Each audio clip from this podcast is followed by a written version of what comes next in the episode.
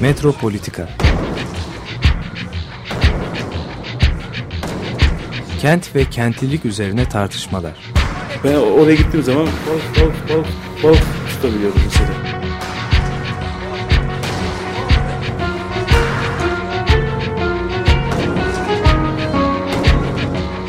Hazırlayan ve sunanlar Aysim Türkmen ve Deniz Gündoğan İbrişim. Kolay kolay Yani elektrikçiler terk etmedi Perşembe Pazarı merkezini.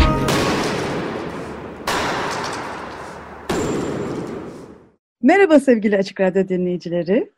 Ee, Beyoğlu'nun unutulmaz müziklerinden e, bir, bir tanesiyle başladık programımıza. Tu Vals, Tu Gamu, Kelebeğin Valsi, Eleni Karayindro'nun parçası e, ile başladık. E, yıllarca Beyoğlu'nda yürürken e, biz bu parçayla e, Beyoğlu'nu hissettik, yaşadık. E, programın sonunda da bir başka parçayı gene Beyoğlu'nu bize hissettirecek başka bir parçayı dinleyeceğiz. Çünkü bugün biz Beyoğlu'nu konuşacağız. E, önemli bir e, proje yeni e, bitti. Bu projenin raporu yayınlandı ve biz bugün Asuman Türk'ün ve Aslı Sarıoğlu'yla bu projeyi konuşacağız. Profesör Asuman Türk'ün Yıldız Teknik Üniversitesi Şehir Planlama Bölümü öğretim üyesi, Aslı Sarıoğlu da araştırma uzmanı.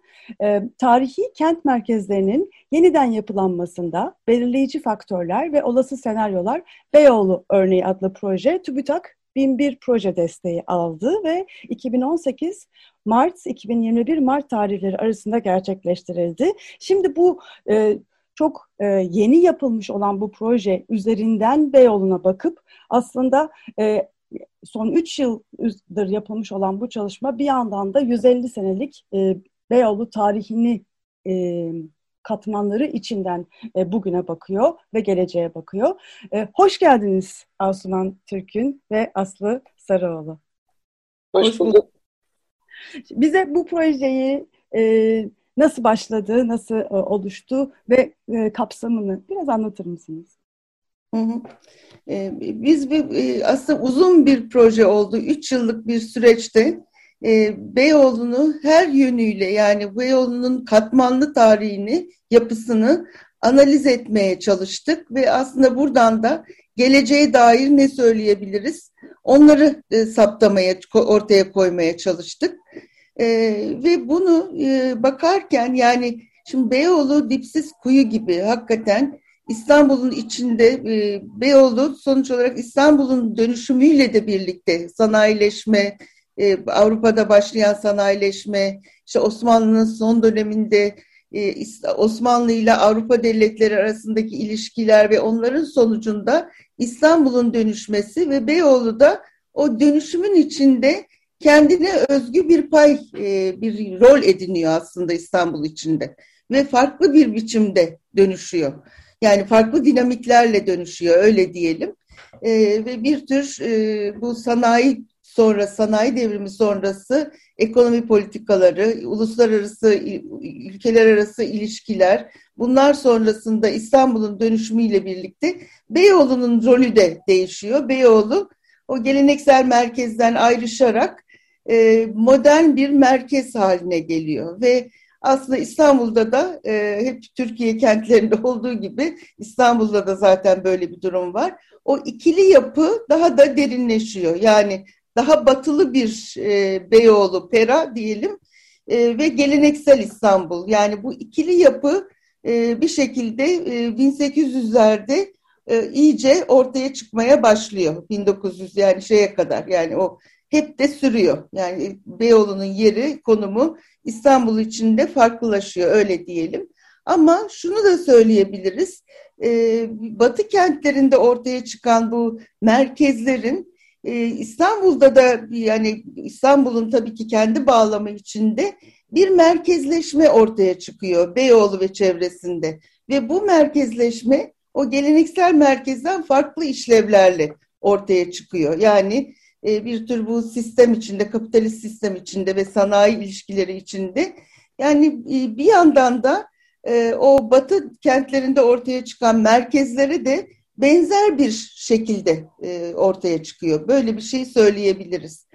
Ee, yani aslında bir, e, bir e, yani bir yandan da bu kadar hani modern ve geleneksel diye ayrışmadığını da gösteren yeni çalışmalar da var. Bu da önemli. Çünkü Beyoğlu'nda da aslında hani e, o geleneksel e, şeyden devam eden bazı e, devamlılıklar var.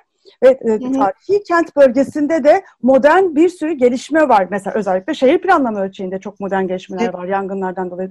Dolayısıyla aslında bu modern geleneksel ayrımı da aslında sorgulanıyor bir yandan. Hı hı.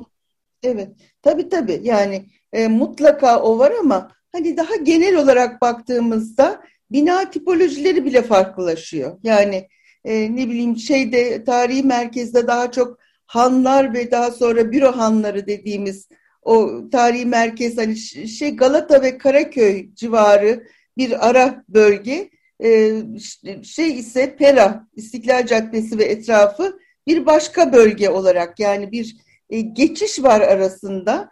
E, dediğiniz doğru. E, bütün bunlarda izlerini görüyoruz o modernleşme, o modern ilişkiler kaçınılmaz olarak yani o ticaret ilişkileri, o ülkelerle ilişkiler kaçınılmaz olarak belli sektörlerin gelişmesine yol açıyor. Ve onların da yer bulduğu mekansal yapılar ortaya çıkıyor. Yani daha önce örneğin e, diyelim e, bir han, bu İlhan Tekeli'nin de söylediği bir şey, birkaç işlevi bir araya getirirken e, ne bileyim hem konaklama hem ticaret hem üretim bütün bu işlevleri bir araya da toplarken zaman içinde yani kentin merkezlerinin de çeşitlenmesiyle birlikte aslında bu mesela bir yapı üç yapıya dönüşüyor. İşte e, ticaret arttıkça antrepolar, bu işte rıhtımlar, e, bunların işte ürünlerin saklanacağı yerler, aynı zamanda bunların burada üretim yapılan yerler ve aynı zamanda satıldığı yerler. Yani e, böyle bir şey çeşitlenme ortaya çıkıyor. Onun için diyorum yani merkezlerin barındırdığı işlevler de zaman içinde değişiyor. Ve yani şey oluyor yani e, mesela Karaköy, Galata daha bu finans sektöründe uzmanlaşırken e, şeye baktığımızda Beyoğlu'na baktığımızda yine finans sektörünü orada da görüyoruz.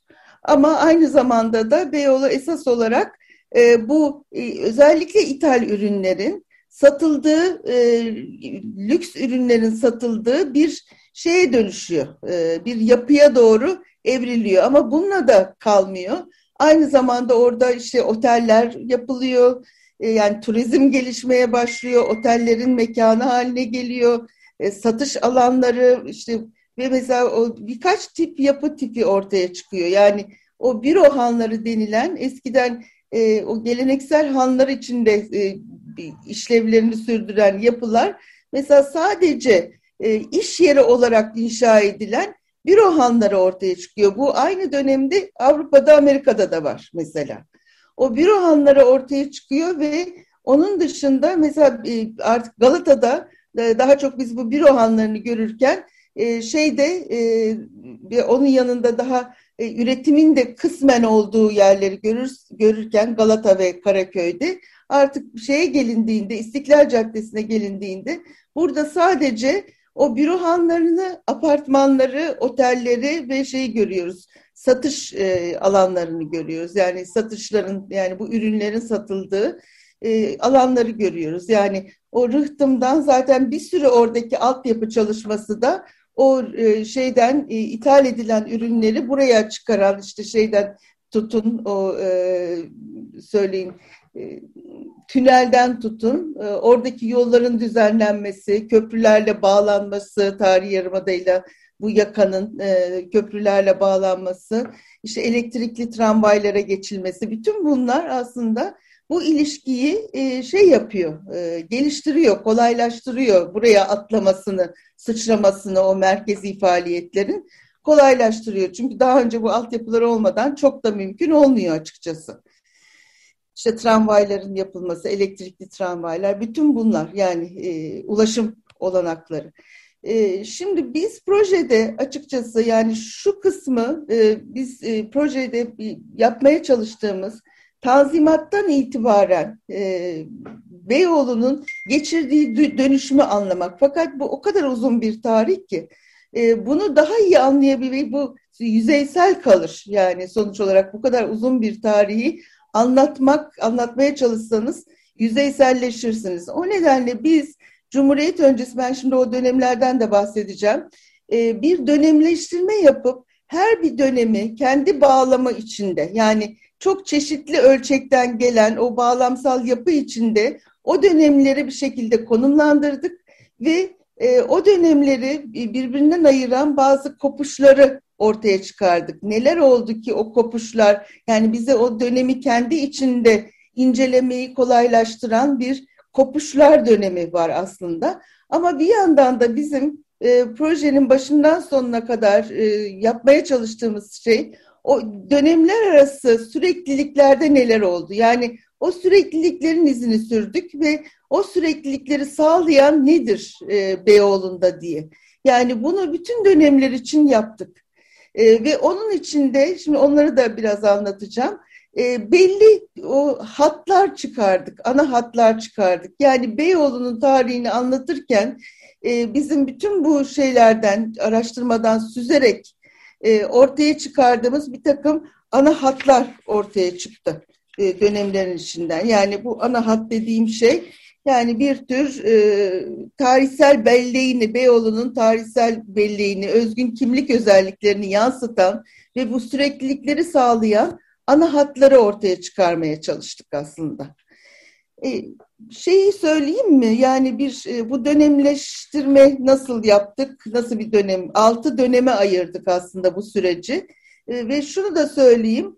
E, bu Cumhuriyet öncesi dönem yani 20 öncesi ve hatta 30 öncesi dönemi bu daha çok tarihi çalışmalar yapan, hani eski şeylerden, kayıtlardan bunları okuyarak çalışan tarihçiler var.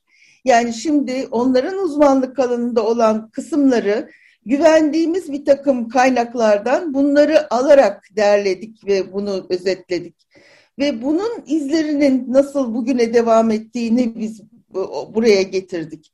Ee, daha sonra ise bizim kendi yaptığımız araştırmada yani hem bu sözlü tarih derinlemesine görüşme, odak grup görüşmeleri, anketler e, bir şekilde hem bugünü hem bugünden geçmişe hatırlanabilen bir geçmişin tarihini daha ayrıntılı vermiş olduk. Biraz bunun netliğini ifade etmek lazım. Yani çünkü eksik kaldığımız noktalar biraz e, tarihçilerin e, tarihçilerin şeyinde onların yani güvendiğimiz e, iyi olduğunu düşündüğümüz hani tabii ki tek birisi değil birkaç kaynaktan bunu takip ederek yaptık.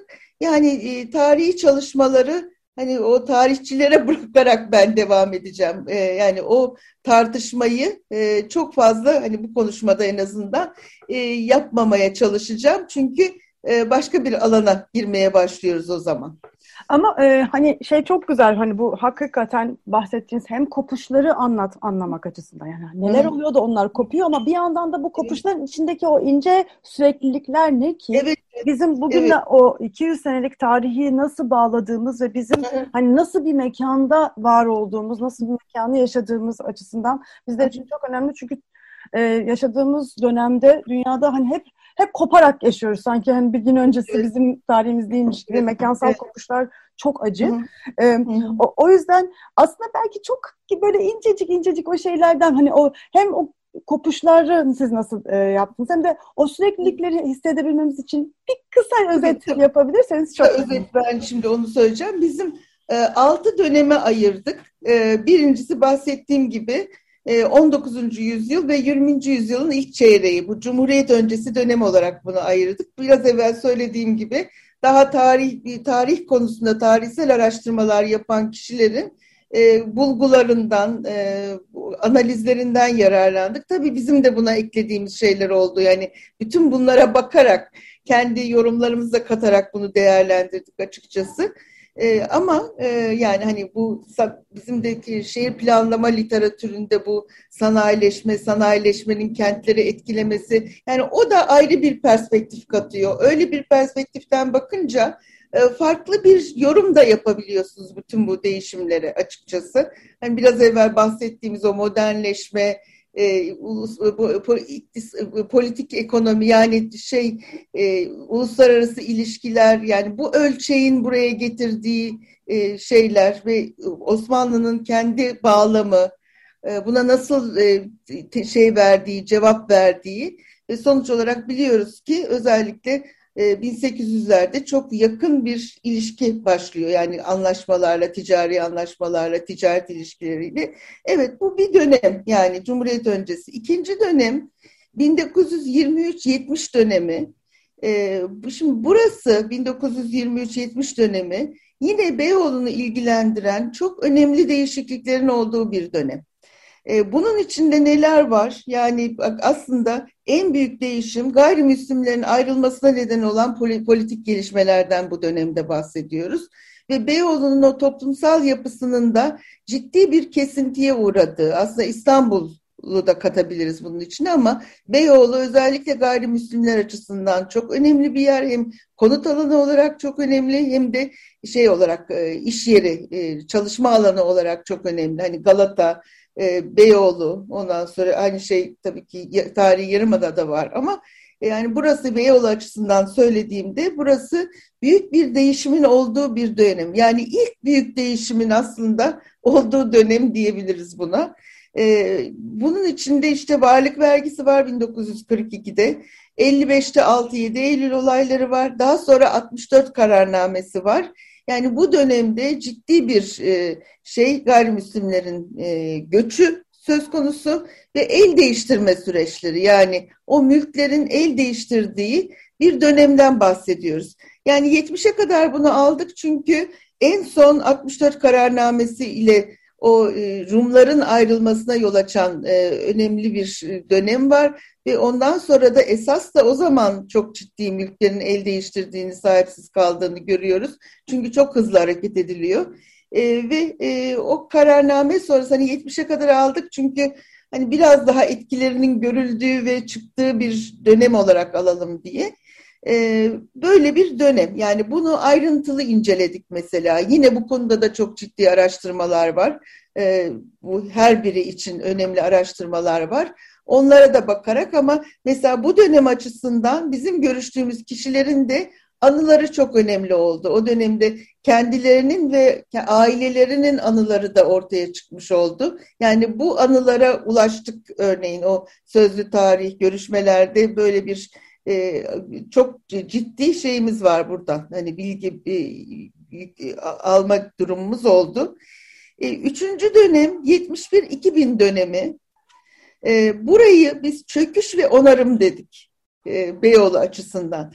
Niye çöküş ve onarım? Çünkü e, bu dönem e, siyasi olaylar ve darbeler dönemi aslında. Yani e, 70 ve 80 darbe, 71 ve 80 darbesini bu dönemde yaşıyoruz ve bunların Beyoğlu'na ciddi etkisi oluyor.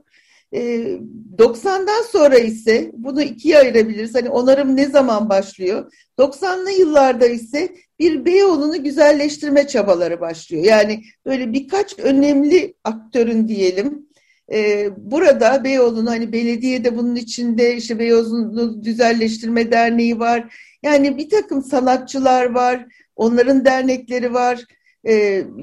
Çok çeşitli grupların burayı yeniden Beyoğlu'nu canlandırma ve güzelleştirme çabaları olduğunu görüyoruz. Ve zaten Peki hocam yayalaştırma var. Beyoğlu yayalaşıyor.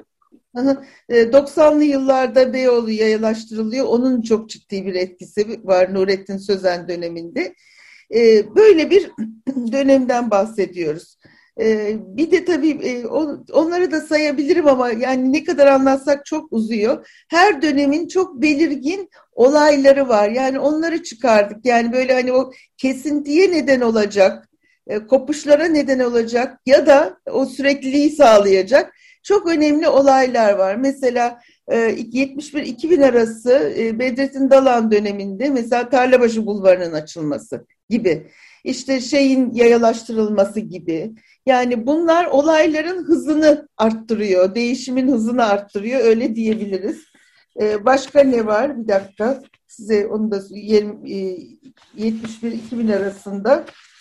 Evet yani o dönemde bu güzelleştir, güzel, güzelleştirme, canlandırma uygulamaları sırasında e, yani Beyoğlu'nu üretim mekanlarından arındırmak, yeniden kültür ve eğlencenin mekanı haline getirmek böyle bir vizyon var.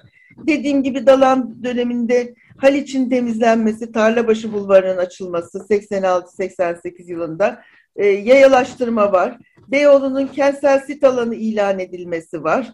E, ve e, Galata Kulesi ve çevresi dahil pek çok önemli alanın turizm gelişme ya teşvik bölgesi olarak ayrıl, ayrılması. Aynı zamanda 90'larda sokakların temizlenmesi ve fuhuş ve uyuşturucuya karşı ciddi bir şey var, e, müdahale var. Sert polis müdahaleleri, e, aynı zamanda bina cephelerinde iyileştirmeler gibi yani e, şey e, burada Beyoğlu'nun yeniden eski ihtişamına kavuşması için belediyenin yaptığı müdahaleler var ve Beyoğlu'na mesela şöyle şeyler e, söyleniyor bu sırada e, Beyoğlu eski Beyoğlu değil nostaljisini bırakıp Beyoğlu'na gelmeye davet eden gazetelerde büyük büyük şeyler çıkıyor. Yani aslında e, bu aynı şeyi biz 2006'larda da yaşadık. O dönemde de sanatçıları yeniden Beyoğlu'na çağıran ya da belli kesimleri yeniden Beyoğlu'na çağıran şeyler gelin yani burayı yaşatın ve canlandırın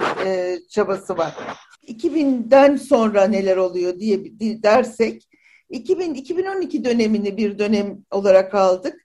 Yani bu dönem aslında Beyoğlu'nun e, yatırım ve yükseliş dönemi olarak adlandırıyoruz.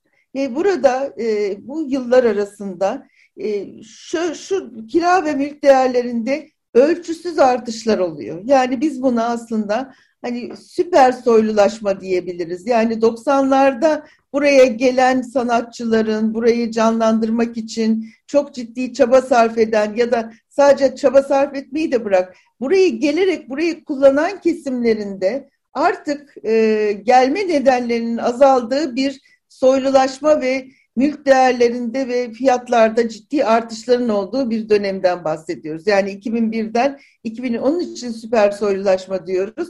90'larda bir tür soylulaşma oldu.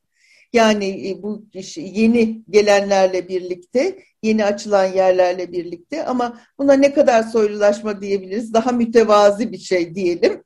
Ama e, şeyde e, 2000 e, şeyden sonra e, 2000 birden sonra yani 90'ların o ortamından farklı bir ortam giderek artan yani hemen 2000'in başında başlamıyor ama giderek Beyoğlu'nun hatta hep 2005'ten sonrası da söyleniyor. Yani 2000'lerin başında bile hala fiyatların yani mülk değerlerinin hala çok düşük olduğu, insanların yani el değiştirmelerin de o zaman çok olduğundan bahsedebiliriz.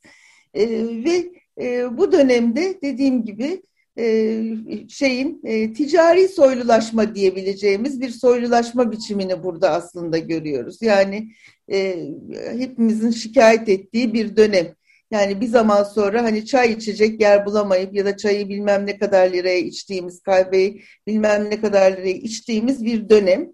Ee, ama buna bir de şey ekleniyor. Devlet eliyle soylulaştırma olarak kavramsallaştırabileceğimiz yani e, devletin de e, yerel yönetimin, merkezi yönetimin e, de dahil olduğu bir büyük projeler, öncü projeler. Yani ve bu projelerle buranın dönüşümünü hızlandırmaya çalışan bir bakış açısı var ve gayret var. Yani bunlardan da kastım ne büyük öncü projelerden? Yani daha önce hiç gör, görülmedik ölçüde bir takım mülklerin satıldığı, özelleştirildiği yani belediyeye ait olan ya da işte merkezi hükümete e, ait olan yerlerin satılması ya da doğrudan kişilerin e, bunları satarak buradan çıktığı e, bir dönemden bahsediyoruz ve mesela turist çok sürekli şu ifade edildi. Yatak sayımız yetersiz. Beyoğlu yani o zaman nisbah dönemiydi bu otel sayılarının artması ve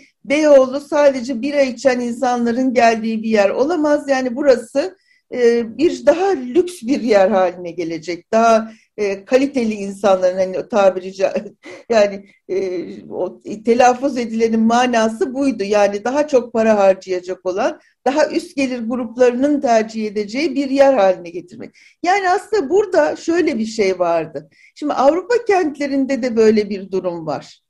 Yani onlarda da hakikaten kent merkezlerinde bu soylulaşma var ve bundan orada da çok ciddi şikayetler var. Bu kadar aşırı turistikleşmeye karşı biliyorsunuz tepkiler var ülkelerde, İspanya'da, Portekiz'de, çeşitli yerlerde. E, İtalya'da e, yani insanlar dışarı dışarı çıkıyor işte Airbnb sayılarının artması insanların kira düzeylerinin artması kent merkezlerinde yaşayamamak hatta orayı kullanamamak bütün bunlar var. E, bizde de buna benzer bir şey var orada da yani üst gelir grubuna ve turistlere açılan mekanlar var yani işte o kent merkezlerinde e, bu zincir e, küresel markaların yer seçtiği ve buna karşı eleştiriler de şöyle oldu. Her yer birbirine benzemeye başladı. Yani klonlanmış kent merkezleri bunun için ölçüler çıkardılar ve buna karşı bir mücadele de başladı mesela. Ee, şimdi bizde şöyle bir şey var. Ee, yani Beyoğlu e, genel gidişat böyle. Yani kent merkezlerinde bu tür bir lüksleşme görüyoruz. Fakat Beyoğlu yani öbür yerlerde böyle bir şey her yerde bu sakıncalıdır. Ama Beyoğlu için hiç olmayacak bir şey. Yani bu Beyoğlu'nu Beyoğlu yapan bütün değerlere aykırı bir şey. Yani bu tek düze turistikleşme, bu ticari soylulaşma, bu zincir mağazalar, bu büyük oteller devasa. Yani ölçek olarak buraya uygun bir şey katiyen değil. Yani bunu baştan söylemeliyiz belki, ifade etmeliyiz. Yani öneri olarak da yani zaten bunlarla biz devam ettik. Yani Beyoğlu'nu Beyoğlu yapan özellikler neyse e, bu piyasaya bırakılmış bu dönüşüm bunu alt üst ediyor. Yani bu dolayısıyla 2001-2012 dönemi bu piyasaya bırakılmış e, ve yani şeyin de desteklediği yani merkezi ve yerel e, belediyenin de desteklediği bir dönüşüm hamlesi var burada.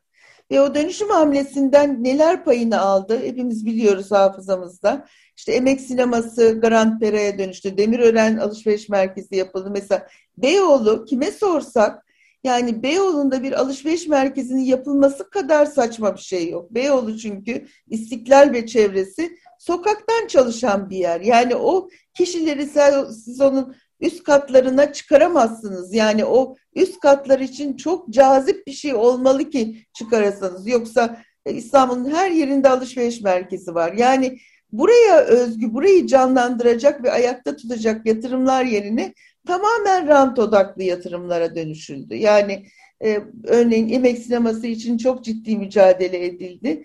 E, ne engeli vardı yani e, emek sinemasını orada tutarak yani dönüştürecekseniz bile böyle bir şey yapmanın e, ne engeli vardı? Yani mesela Avrupa'daki kentlerde e, şunu yapmıyorlar. Yani bu kadar kentsel hafızaya sahip e, bir yeri yıkmak yerine onu da onayladığım şey yapmak için söylemiyorum ama orada bir dönüşüm yapılacaksa o hafızayı da orada tutarak yapmaya çalışıyorlar. Çünkü uzun vadede yani daha akıllı davranıyorlar. Uzun vadede daha karlı olduğunu düşünüyorlar bunun. Yani o hafızayı yok ederlerse oranın çekiciliğinde ortadan kalkacağını düşünüyorlar. Çok dönüştürmüyorlar mesela böyle pasta dilimi gibi mesela Narmanlıhan pasta dilimi gibi böyle acayip bütün izleri yok eden bir restorasyon yok yani. Yani siz bir yere girdiğinizde orada da bu aynı şekilde bu ticari soylulaşma var, üst gelir gruplarına geçiş var ama yine de insanların gelince eskiden bu şeyler bir izler bulabileceği şeyleri bırakıyorlar. Yani hani bir şekilde akıllı kapitalizm diyeyim buna. Yani daha uzun vadeli düşünerek herkesin çıkarını ya da buranın geleceğini düşünerek e, daha akıllı kararlar verebiliyorlar. Yani bu uzun vadeli düşünmek gibi. Evet şimdi hızlanayım birazcık. Şimdi 2012'ye kadar aslında çok büyük bir dönüşüm Beyoğlu'nda bu döneme kadar oldu zaten. Daha sonrasında ise 2013-2019 dönemi olarak ayrıştırdık bunu. E, Beyoğlu'nun yeniden gerileme dönemi.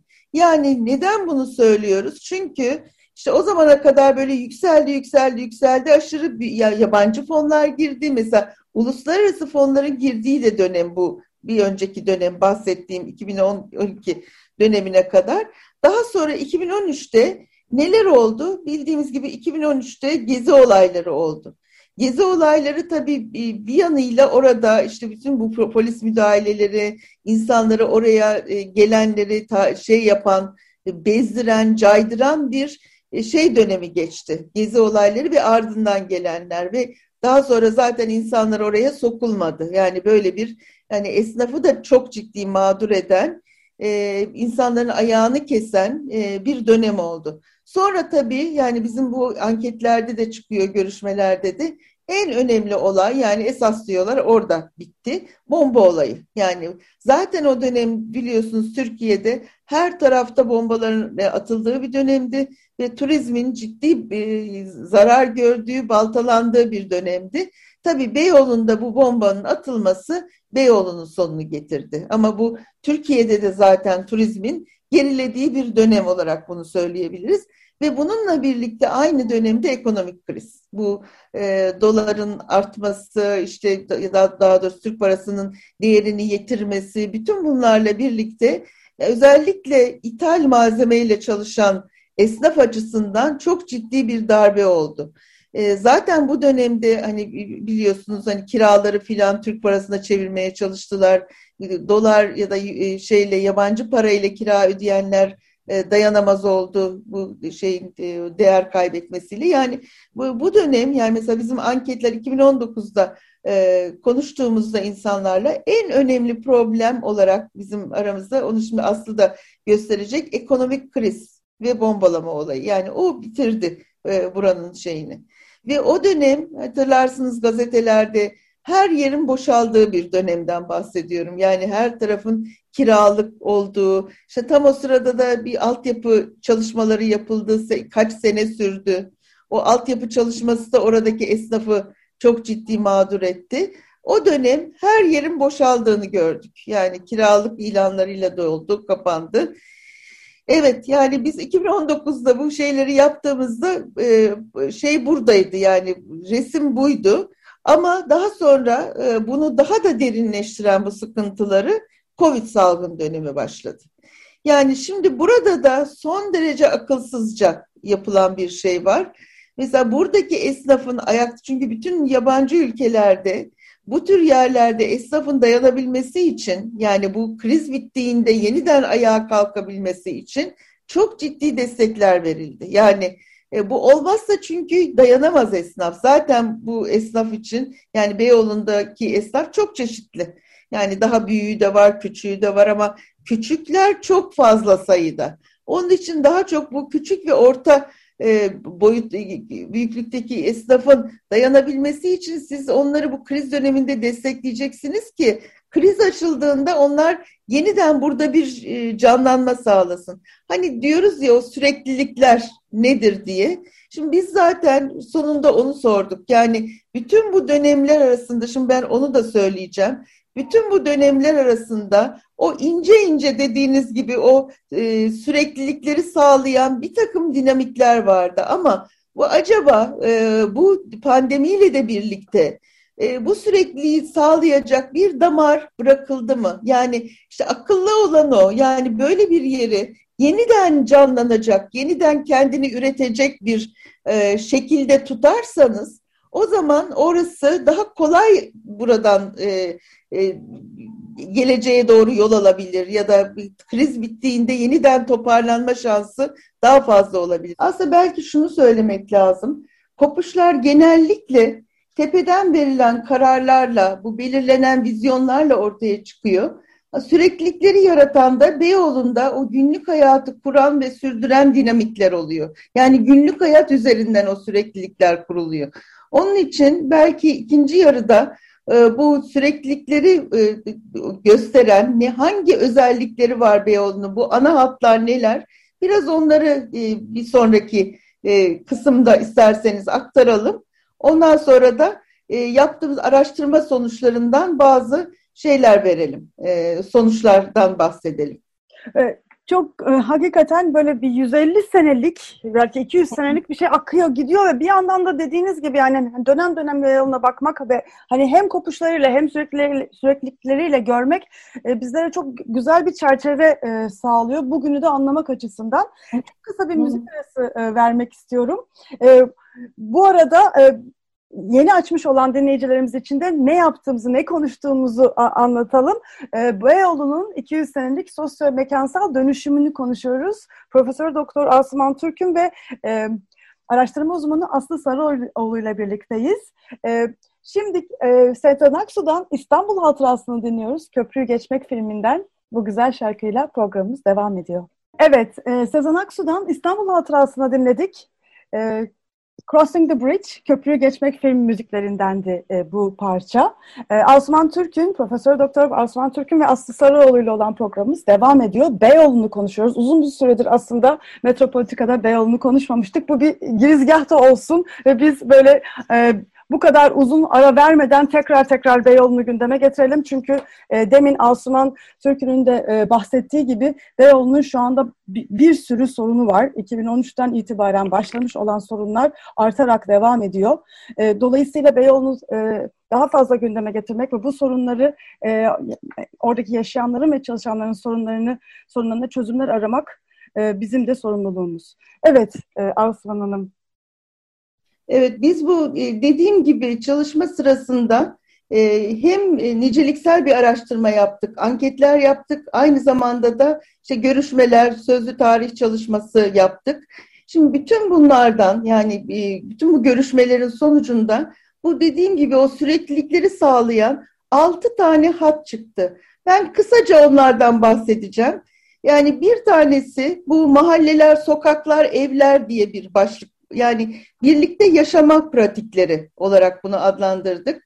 Yani belli dönemlerde e, çeşitli kesimlerin yan yana yaşadığı ve uzun süre yaşadığı dönemler var. Yani biri bu. Bunu biraz inceledik. Çocukluk hikayelerini anlattırdık insanlara. Beyoğlu'nda o yaşama pratiklerini anlattırdık. Buradan süzdüğümüz bilgiler var. İkincisi Beyoğlu'nda hakikaten bu sürekliyi sağlayan bir takım davranış biçimleri ortaya çıkıyor. Yani ritüeller, gelenekler ve bu bir aidiyet duygusu da yaratıyor. İnsanların dönemlerde, farklı dönemlerde çeşitli e, aktör yani çeşitli kişilerin müdavimi olduğu, bir buluştuğu bir şeyden bahsediyoruz. E, bir geleneklerden. Yani aslında mesela Beyoğlu'nda kayıp olarak anlatılan şeyler arasında sadece mekanlar ve o mekanların işlevleri yok. Oralarda nasıl bir yaşantı sürdürüldüğü de kayıp olarak adlandırılıyor. Yani oradaki o ortaya çıkmış gelenekler, ritüeller insanların hafızasına yerleşmiş ve e, burayı kendilerine yer edinenler bunlar üzerinden kuruyor Beyoğlu'ndaki hikayesini. Biz burada işte her perşembe şöyle bir toplantı yapardık, bir araya gelirdik. Şimdi yok olan şey aslında bu ortak mekanlar yani aidiyet hissedilen e, bunların sürekliliğinin çok azaldığını görüyoruz. E, bir üçüncü başlığımız bir ekosistem iç olarak Beyoğlu. Yani her şey için Beyoğlu'na gelmek. Yani e, Beyoğlu sadece bir şey için gidilen bir yer değil.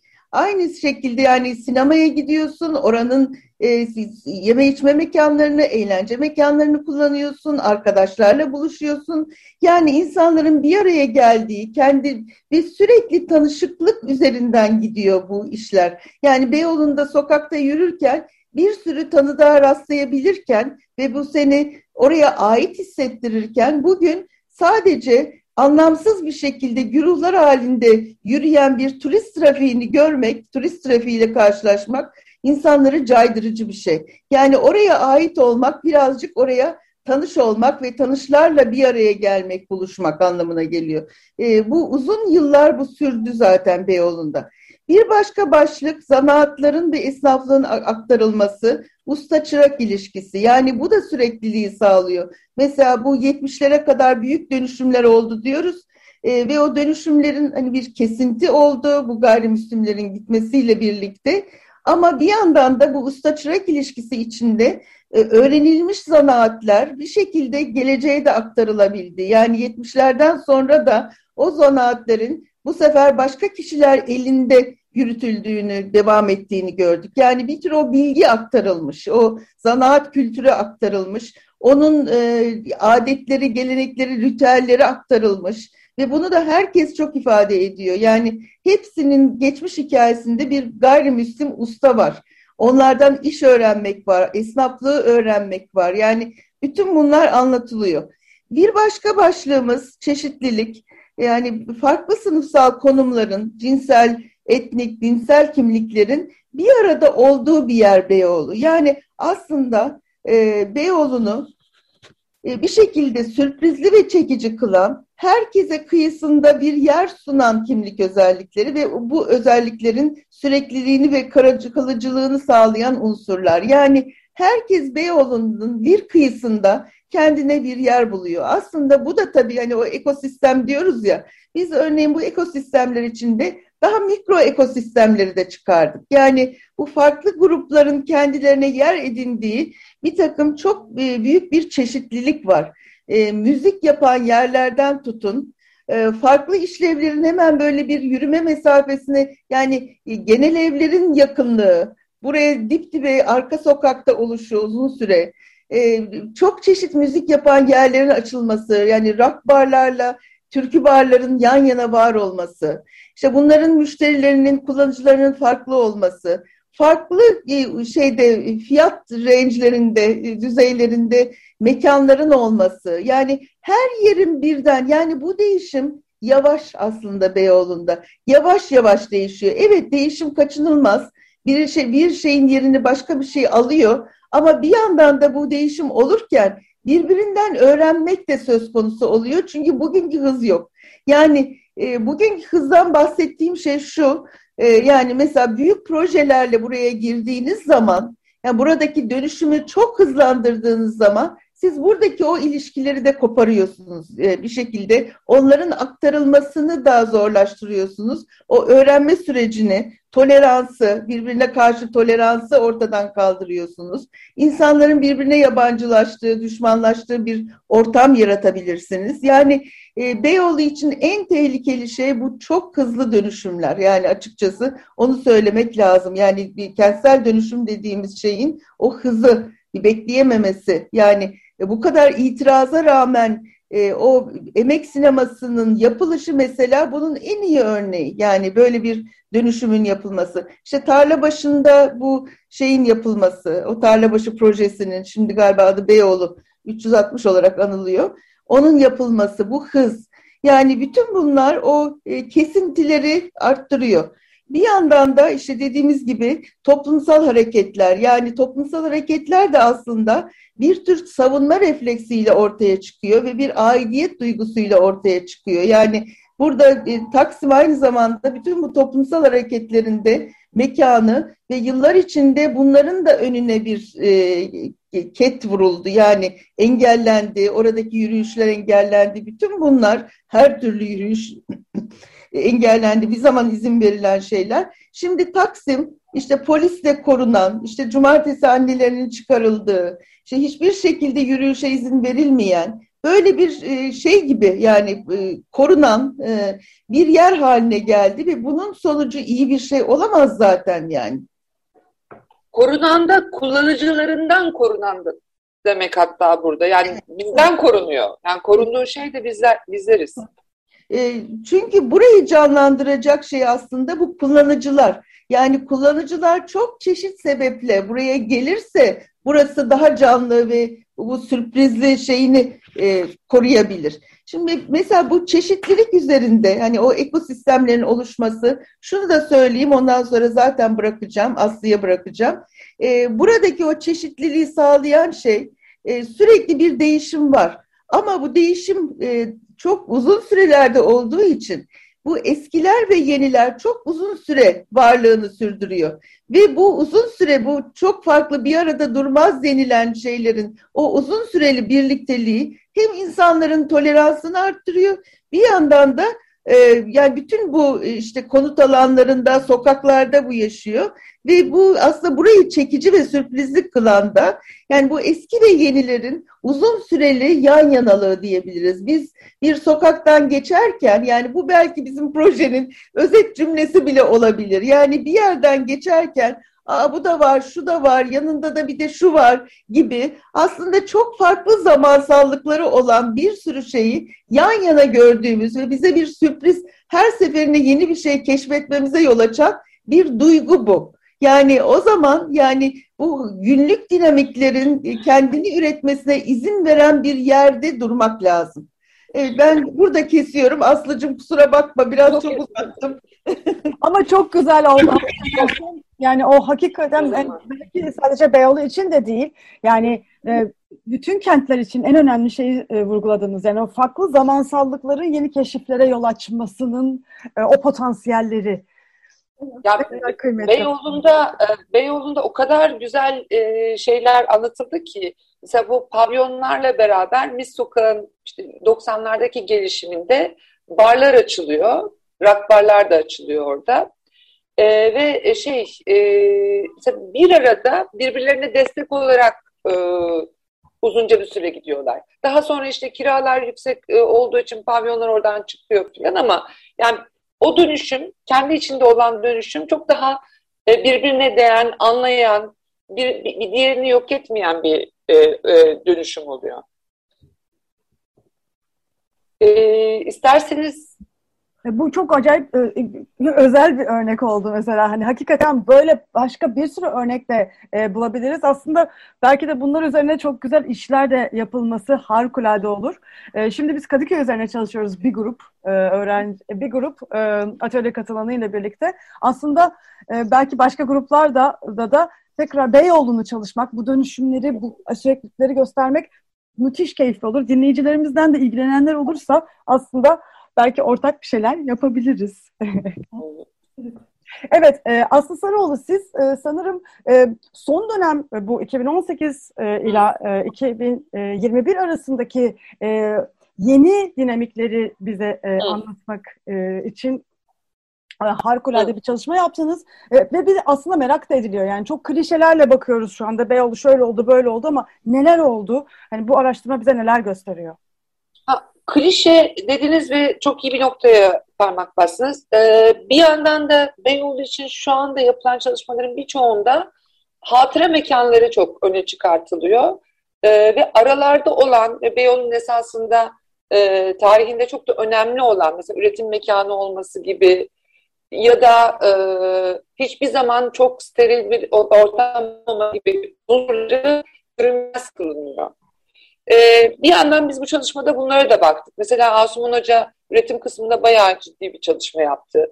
Ee, üretim kısmı ile ilgili görüşmeler de yaptık. Onun dışında e, şey e, belli bir dönem e, Beyoğlu hem ayakkabıcıların hem e, tekstilcilerin direkt e, fason atölyelerinin olduğu mekan olmuş. Mesela bunları da çalışmanın içine kattık. E, son dönemde yaptığımız işlerde ise ankette e, Beyoğlu'ndaki, Pera'daki e, bu İstiklal Caddesi'nden e, tünele kadar, bundan sonra Karaköy'e kadar olan e, bölge ve iki paralelindeki aks ve ara sokaklarda e, bin bir kurumla, işletme ve kurumla e, yüz yüze anket çalışması yaptık.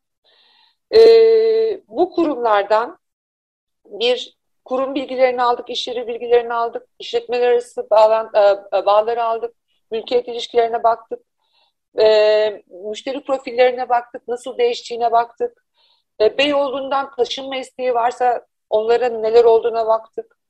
E, çalışan bilgilerine baktık. E, sonra Beyoğlu'nda son e, 2019'da yapmıştık. Bu 2019'da son 5 yılda değişime baktık. Ve gelecek öngörülerini aldık ankette.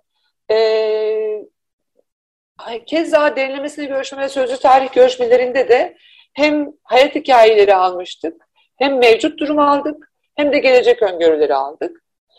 E, Beyoğlu, Asuman Hoca e, biraz önce e, çok farklı e, çeşitli insan, e, e, nitelikli insanlara Beyoğlu'nda yer verildiğini söylemişti. Mesela kira oranlarından bunu görebiliyoruz. Beyoğlu'nda 300 lirayla 300 liraya kira e, kiralayabileceğiniz oda da bulmak mümkün. 400 bin liraya kiralayabileceğiniz binada bulmak mümkün. Aylık kiradan bahsediyoruz. E, ve e, haritasını da çıkardık biz bu kiraların. İstiklal Caddesi e, çevresinde kiralar gerçekten çok yüksek. E, 50 binin üstünde e, mesela toplam e, kiralık alan yüzde dört e, yüzde dört buçuk mesela hiç azımsanmayacak kadar ama 1500'ün altında da yüzde on altı nokta altı. Ara sokaklarda hala büyük hanlar var ve hala bu büyük hanlarda e, küçük küçük odalarda atölyeler var mesela. Biz anket yaparken bunları gördük. Ha, e, ortalama kirada 12.500 lira. Çok büyük oranda kiracı Beyoğlu'nun nüfusu e, yüzde 79,6 gibi. E, bu arada şu andaki müşteri profillerini sorduk. E, genellikle Orta Doğu ülkelerinden gelenler yüzde 56,4 gibi bir oran. Sonra bir yoluna gezmeye gelenler, öğrenciler ve işte e, yerli turistler yüzde 49,4, Beyoğlu'nda çalışan ve yaşayanlar yüzde 46,4, Batı ülkelerden gelenler ise yüzde 40. Anket yapıldığımız, e, yaptığımız dönemin sonuçları bunlar. E, hocam söyle, Heh, buyurun. Yüzde yüze tamamlanmıyor ya. İnsanlara en çok gelen iki tane şeyi sorduk. İki tane. Evet, evet, evet. Hani Şey, bu- yani Orta Doğu ülkeleri diyenler yüzde 56. Beyoğlu yani bütün bunları şeye de çevirebiliriz tabii yüzde kaç yani yine Hı. e, çıkıyor ama e, yani onu da söyleyelim de akıl karıştırmasın. Doğru, doğru, doğru haklısınız hocam. Ee, şeyi sorduk. Ee, son dönemde gelir değişimine neden olan olayı sorduk. Yani geliriniz arttı mı azaldı mı diye sorduk. 2019'da gittiğimizde herkesin geliri düşmüştü neredeyse. Çok az kurumun artmıştı. Ee, ve geliri düşüren en önemli olay olarak o dönemde 43,6 ile ekonomik kriz ve maliyet artışları söylendi. Daha sonra bombalama olayları, daha sonra gezi olayları geliyordu. Ee, buradan hangi ilçelere yönelirsiniz diye sorduk. Taşınmak istersiniz diye sorduk. Hani buradaki işleriniz iyi gitmiyor. En yüksek e, Beyoğlu hiçbir yere benzemez çıktı. Yine bizim anketimizde. Ama ondan sonra da Kadıköy, Beşiktaş, Fatih ve Şişli çıktı. Fatih'in çıkma nedeni Sultanahmet civarı turistik bölge olması. Ee, burada Beyoğlu algısı da da yine çoğunlukla ileride Beyoğlu'nun yine e, kendisini toparlayacağı, düzeleceği algısı çıkmıştı. Bu pandemi öncesiydi. Pandemi döneminde e, anket yapmadık ama 33 kişiyle derinlemesine görüşme yaptık. Tekrar sahaya çıktık. E, ve bu derinlemesine görüşmeler e, görüşmelerde e, söylenen bu bizim Beyoğlu için bir dip noktası olduğuydu. Bu arada gerçekten e, biz de gözlemledik. O özellikle ilk dönemini, o Mart'tan Haziran'a kadar olan e, ilk pandemi kapanmasında bütün biliyorsunuz uluslararası hava yolları kapandı. Bütün ülkelere sınırlarımızı kapadık. Ve Beyoğlu gerçekten terk edilmiş bölge gibiydi. Yani şöyle söyleyeyim size, ilk günler e, Beyoğlu'nda kediler ilk defa ara sokaklara girdiğinizde yanınıza gelen kediler olduğunu görüyordunuz. Çünkü açlardı. Yani başka hiçbir yer ve bu şekilde olmadı. Çünkü Beyoğlu'nda bütün e, sadece yeme içme mekanları değil, tüm bakkallar kapandı. E, sadece turistik bölgesi bölge olduğu için tüm mağazalar kapandı. Aylarca bunlar kapalı kaldı. Bir kısmı bir ay gibi, bir kısmı çok daha uzun süre. Ee, ve özellikle yeme içme sektörü bu dönemden, yeme içme eğlen, eğlence sektörü bu dönemden çok ciddi etkilendi. Ee, Ocak ayında yaptığımız bir görüşmede sırf Pera bölgesinde yaklaşık 20 bin kişinin yeme içme e, 2020 Ocağı'nda görüşme e, yaptığımız görüşmede sırf Pera'da e, 20 bin e, çalışanın işsiz kaldığını yeme içme sektöründe tahmin ettiklerini söylediler. Yani çok ciddi oranlarda. Yani iş, iş yerleri kiralarını ödeyemedi. Ve dolayısıyla şey, e, Covid-19 döneminde anlaşıldı ki yani Beyoğlu'ndan sadece e, turistik bir mekan olarak bahsetmek doğru değil. Çünkü bir sürü başka niteliği var ve turistik bir mekan olarak gördüğünüzde diğer nitelikleri zaten görünmez kılınıyor. Ve esasında Asuman Hoca'nın daha önce söylediği gibi e, e, çeşitliliği azalıyor. Şu anda da Beyoğlu'ndaki turistlerin bile e, tek, bir çeşit turist gelmesinin nedeni bir yandan bu çeşitliliğin azalması. Ee, Aslı Hanım çok önemli şeyler söylüyorsunuz ama maalesef programın sonuna geldik. Zamanımız azaldı. Ee, belki tekrar başka bir programda sırf belki Beyoğlu'nun e, son dönemini e, tekrar tekrar konuşmamız e, çok iyi olur. E, çünkü söylediğiniz e, rakamlar, e, e, boyutlar e, çok düşündürücü. Oradaki esnafın e, hali e, veya yaşayanların veya e, hatta turistlerin hali bile tekrar tekrar düşünmemizi e, söylüyor. E, Kadıköy'e çok büyük bir e, şey var. E, büyük bir baskı oluştu. Beyoğlu'ndan bir kaçış ve böyle bir akım var. Bu da başka e, kent problemlerini gündeme taşıyor. Belki bunları e, hani Beyoğlu üzerinden tekrar düşünmek için e, bir daha bir daha bu konuları konuşmaya devam edelim. E, çok teşekkür ediyorum ben e, programa katıldığım Teşekkür ederiz. E, Asuman Türk'ün ve Aslı Sarıoğlu ile yaptığımız Beyoğlu üzerine programımız burada sona eriyor. Ee, çok teşekkürler e, katkılarınız için. E, bu TÜBİTAK projesini bize anlattığınız için, e, Beyoğlu'nun e, 200 senesini bize e, tekrar hissettirdiğiniz için. Evet, bu haftalık da bu kadar diliyoruz. İyi haftalar. Çok teşekkürler.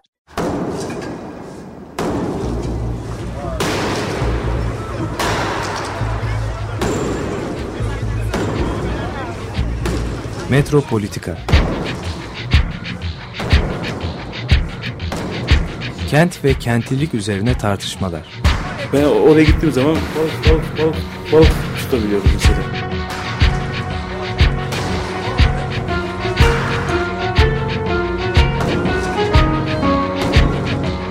Hazırlayan ve sunanlar Aysim Türkmen ve Deniz Gündoğan İbrişim. Kolay kolay boşaltamadı. Elektrikçiler terk etmedi Perşembe Pazarı merkezi.